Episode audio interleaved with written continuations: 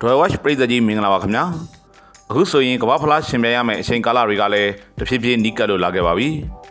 ဒီတော့အခုတစ်ပတ်မှာကမ္ဘာဖလားသတင်းတွေနဲ့တခြားထူးခြားသတင်းတွေကိုစုံစုံလင်းလင်းတင်ဆက်ပေးသွားဖို့ရည်ရွယ်ထားပါတယ်ပထမဆုံးတင်ဆက်ပေးခြင်းတဲ့သတင်းကတော့စပါနီပြကွန်တီဟာအရန်ပင်မနွမ်းနယ်နေတဲ့တိုက်စစ်မှုဟယ်ရီကိန်းကိုဆက်လက်အသုံးပြုပြီးပွဲတွေကစားခိုင်းနေသေးပဲဆိုတဲ့သတင်းပါပဲ။ စပါတိုက်စစ်မှုဟယ်ရီကိန်းဟာအယမ်းမဲ့ပင်မနွမ်းနေနေပြီဆိုတဲ့စကားကိုနီးပြကွန်တီကိုတိုင်းကထုတ်ဖော်ပြောဆိုခဲ့တာပါ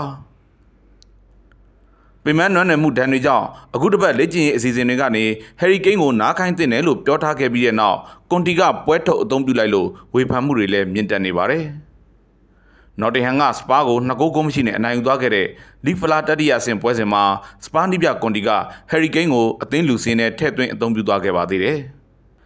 အင်္ဂလန်လက်ရွေးစင်နီးပြဆောက်ကိတ်ကတော့ကမ္ဘာဖလားပြိုင်ပွဲကာလကိုရောက်ရင်ပင်မနွမ်းနယ်မှုတွေကြောင့်ဟယ်ရီကိန်းရှေ့စွမ်းမပြနိုင်မှာကိုစိုးရိမ်ပူပန်နေပါတယ်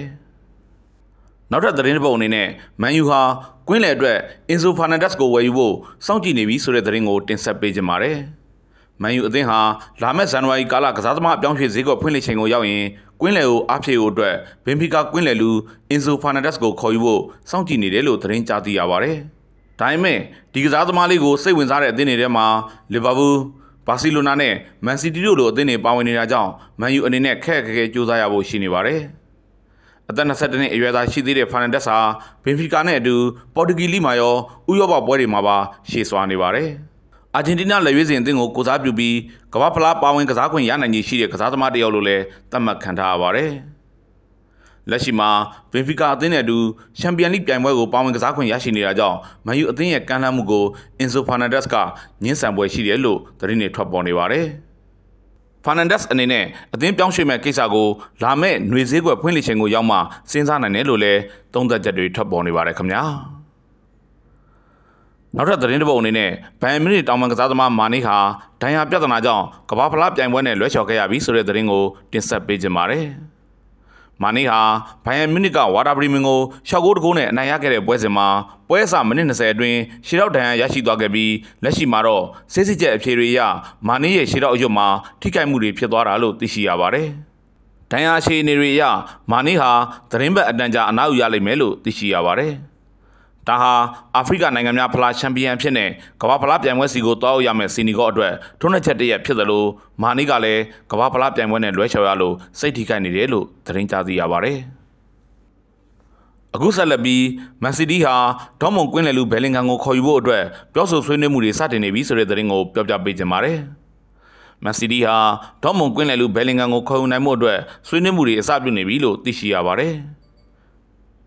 ဘယ်လင်ဂန်ကိုခေါ်ချင်နေတဲ့ထိပ်သီးအသင်းတွေကအယမ်းများနေတဲ့အတွက်မန်စီးတီးဘက်ကလက်အုပ်မှုတစ်ခုကိုအစပြုလိုက်တာဖြစ်နိုင်တယ်လို့ Sky Sport သတင်းမီဒီယာကသုံးသပ်ထားပါတယ်။ဟာလန်အပြောင်းရှေ့ဖြစ်မြောက်ရေးအတွက်ဆွေးနွေးခဲ့ချိန်တုန်းကအသင်းအသင်းကြားမှာရှိထားခဲ့ပြီးဖြစ်တဲ့ဆက်ဆံရေးကိုအကြောင်းပြုပြီးမန်စီးတီးဘက်ကဘယ်လင်ဂန်အတွက်ဆွေးနွေးမှုကိုအစပြုလိုက်တာလို့သိရှိရပါတယ်။ ဒေါမွန်ဟာဘယ်လင်ဂန်ကိုအသင်းမှာဆက်လက်ထိန်းသိမ်းထားခြင်းမဲ့ဒီလူငယ်ကစားသမားလေးကအသင်းပြောင်းကျင်နေတာကြောင့်လာမယ့်2023ခုနှစ်ຫນွေဈေးကွက်ဖွင့်လှစ်ချိန်ကိုရောက်ရင်အသင်းပြောင်းခွင့်ပေးဖွယ်ရှိနေပါတယ်။ဒေါမွန်ဟာဘယ်လင်ဂန်အတွက်ပြောင်းရွှေ့ခြင်းကိုပေါင်တန်းတရာဝန်းကျင်သတ်မှတ်တောင်းဆိုပွဲရှိနေပါတယ်။နောက်ထပ်သတင်းတစ်ပုဒ်အနေနဲ့ဇန်နဝါရီကစားသမားအပြောင်းရွှေ့ဈေးကွက်ဖွင့်လှစ်ချိန်ကိုရောက်ရင်အသင်းအတွက်ကစားသမားဝယ်မှဖြစ်မယ်လို့အာဆင်နယ်နီးပြအာဒီတာကထုတ်ဖော်ပြောကြားလိုက်တဲ့သတင်းကိုတင်ဆက်ပေးကြပါမယ်။ နီးပြအာဒီတာဟာဘရိုက်တန်ကနေအာဆင်နယ်ကို3ဂိုးတကူနဲ့အနိုင်ယူသွားခဲ့တဲ့လီဂ်ဖလာတတိယအဆင့်ပွဲစဉ်ပြီးမှအခုစကားကိုထုတ်ဖော်ပြောကြားလိုက်တာလို့သိရှိရပါတယ်။အသင်းလူစင်းကတောင့်တင်းမှုမရှိသေးလို့ဇန်နဝါရီဈေးကွက်မှာကစားသမားအင်အားဖြည့်မှာပဲပြိုင်ပွဲရဲ့ကိုဟန်ချက်ညီညီထိန်းညီနိုင်လိမ့်မယ်လို့နီးပြအာဒီတာကယူဆထားပါတယ်။ယူရိုပါလိဂ် FA ဖလားနဲ့ပရီးမီးယားလိကိုလာမယ့်ဘောလုံးရာသီဝက်ကာလအတွင်းအကောင်းဆုံးပုံစံနဲ့ဖျက်ဆီးနိုင်အောင်အသင်းဘက်ကအရာရာကိုပြင်ဆင်ထားရမယ်လို့လည်းအာဒီတာကထပ်လောင်းအသိပေးသွားခဲ့ပါတယ်။အာဒီတာဟာချက်စီနဲ့ကစားတော့ကအနိုင်ရခဲ့တဲ့အာဆင်နယ်အသင်းလူစင်းကိုလူ၁၀ယောက်အထိအပြောင်းလဲလုပ်ပြီးဘရိုက်တန်ကိုရင်ဆိုင်ခဲ့ရမှာရှုံးနိုင်ခဲ့ပြီးတဲ့နောက်လီဖလားပြိုင်ပွဲကနေထွက်လာရပြီဖြစ်ပါတယ်။ နောက်ထပ်သတင်းတစ်ပုဒ်အနေနဲ့မန်စီးတီးကိုလီဖလားပွဲမှာအနိုင်ရလိုက်ပေမဲ့အဲ့ဒီပွဲကအသင်းကစားပုံကိုသူ့အနေနဲ့သဘောကျကျင်းတယ်လို့ရှက်စီနီးပြဂရီယန်ပေါ်တာကထုတ်ဖော်ပြောကြားလိုက်တဲ့သတင်းကိုတင်ဆက်ပေးခြင်းပါတယ်။ရှက်စီနီးပြဂရီယန်ပေါ်တာဟာမန်စီးတီးကရှက်စီကိုနှစ်ဂိုးကိုမရှိနဲ့အနိုင်ယူသွားခဲ့တဲ့လီဖလားတတိယအဆင့်ပွဲစဉ်ပြီးမှသူ့အသင်းရဲ့ကစားပုံကိုရှီကျူးစကားပြောကြားသွားခဲ့ပါတယ်။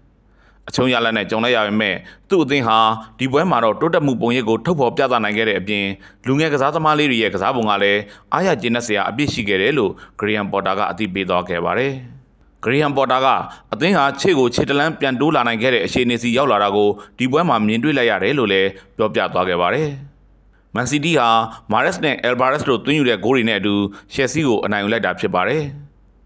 ရှယ်ဆီဟာလက်ရှိမှာတော့ရှုံးပွဲတွေဇက်တိုက်ကြုံတွေ့နေရအကြောင်းနီးပြဂရီယန်ပေါ်တာလည်း PR တွေရင်ဆိုင်နေရပါတယ်။နောက်ထပ်သတင်းတစ်ပုဒ်အနေနဲ့ကမ္ဘာဖလားပြိုင်ပွဲပါဝင်ကစားမဲ့ဘရာဇီးအသင်းအတွက်ပနာမလူစင်းရွေးချယ်တဲ့နေ့မှာဘရာဇီးကစားသမားတွေပျော်ရွှင်ကြည်နူးခဲ့ရပုံကိုတင်ဆက်ပေးကြပါမယ်။ဘရာဇီးလက်ရွေးစင်အသင်းနီးပြတီတီဟာ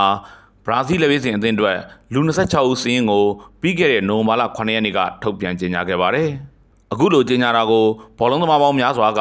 မိသားစုဝင်တွေမိတ်ဆွေတွေနဲ့အတူရုပ်သံကနေစောင့်ကြည့်ပြီးရင်ခုန်ခဲ့ကြတာပါ